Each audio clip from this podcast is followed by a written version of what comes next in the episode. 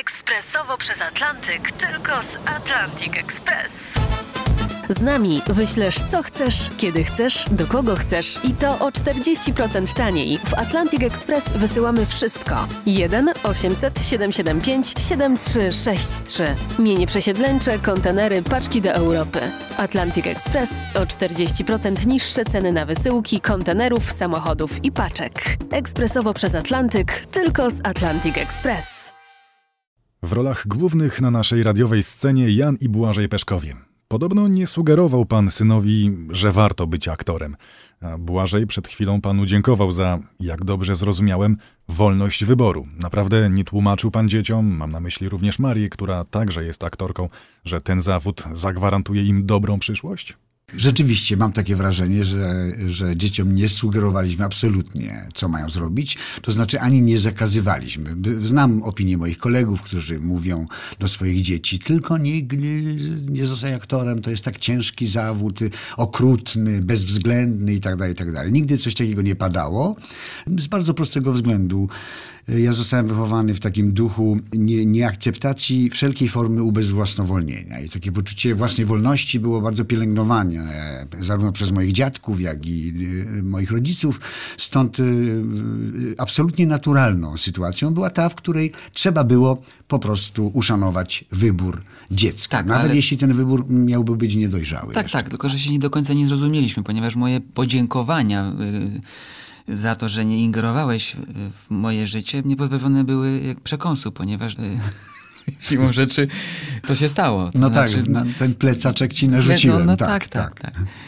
Można zatem powiedzieć, że parafrazując y, tytuł znanego filmu, że aktorstwo to jest y, śmiertelna choroba przenoszona na rodzinę. No wręcz drogą płciową, prawda? Wręcz dosłownie. Coś w tym jest, coś w tym jest, że to się gdzieś z krwią pojawiał w, w człowieku.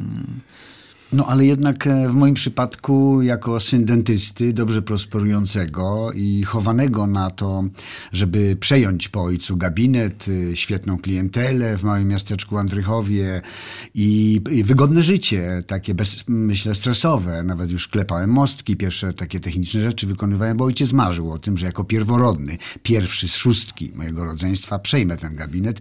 No jednak e, ojciec mnie nie, nie zdołał zarazić. Widocznie podświadomie ta perspektywa y, bycia w innym świecie mm, we mnie się zagnieździła jako, jako taka elementarna potrzeba. Ja- Z ja- buntu.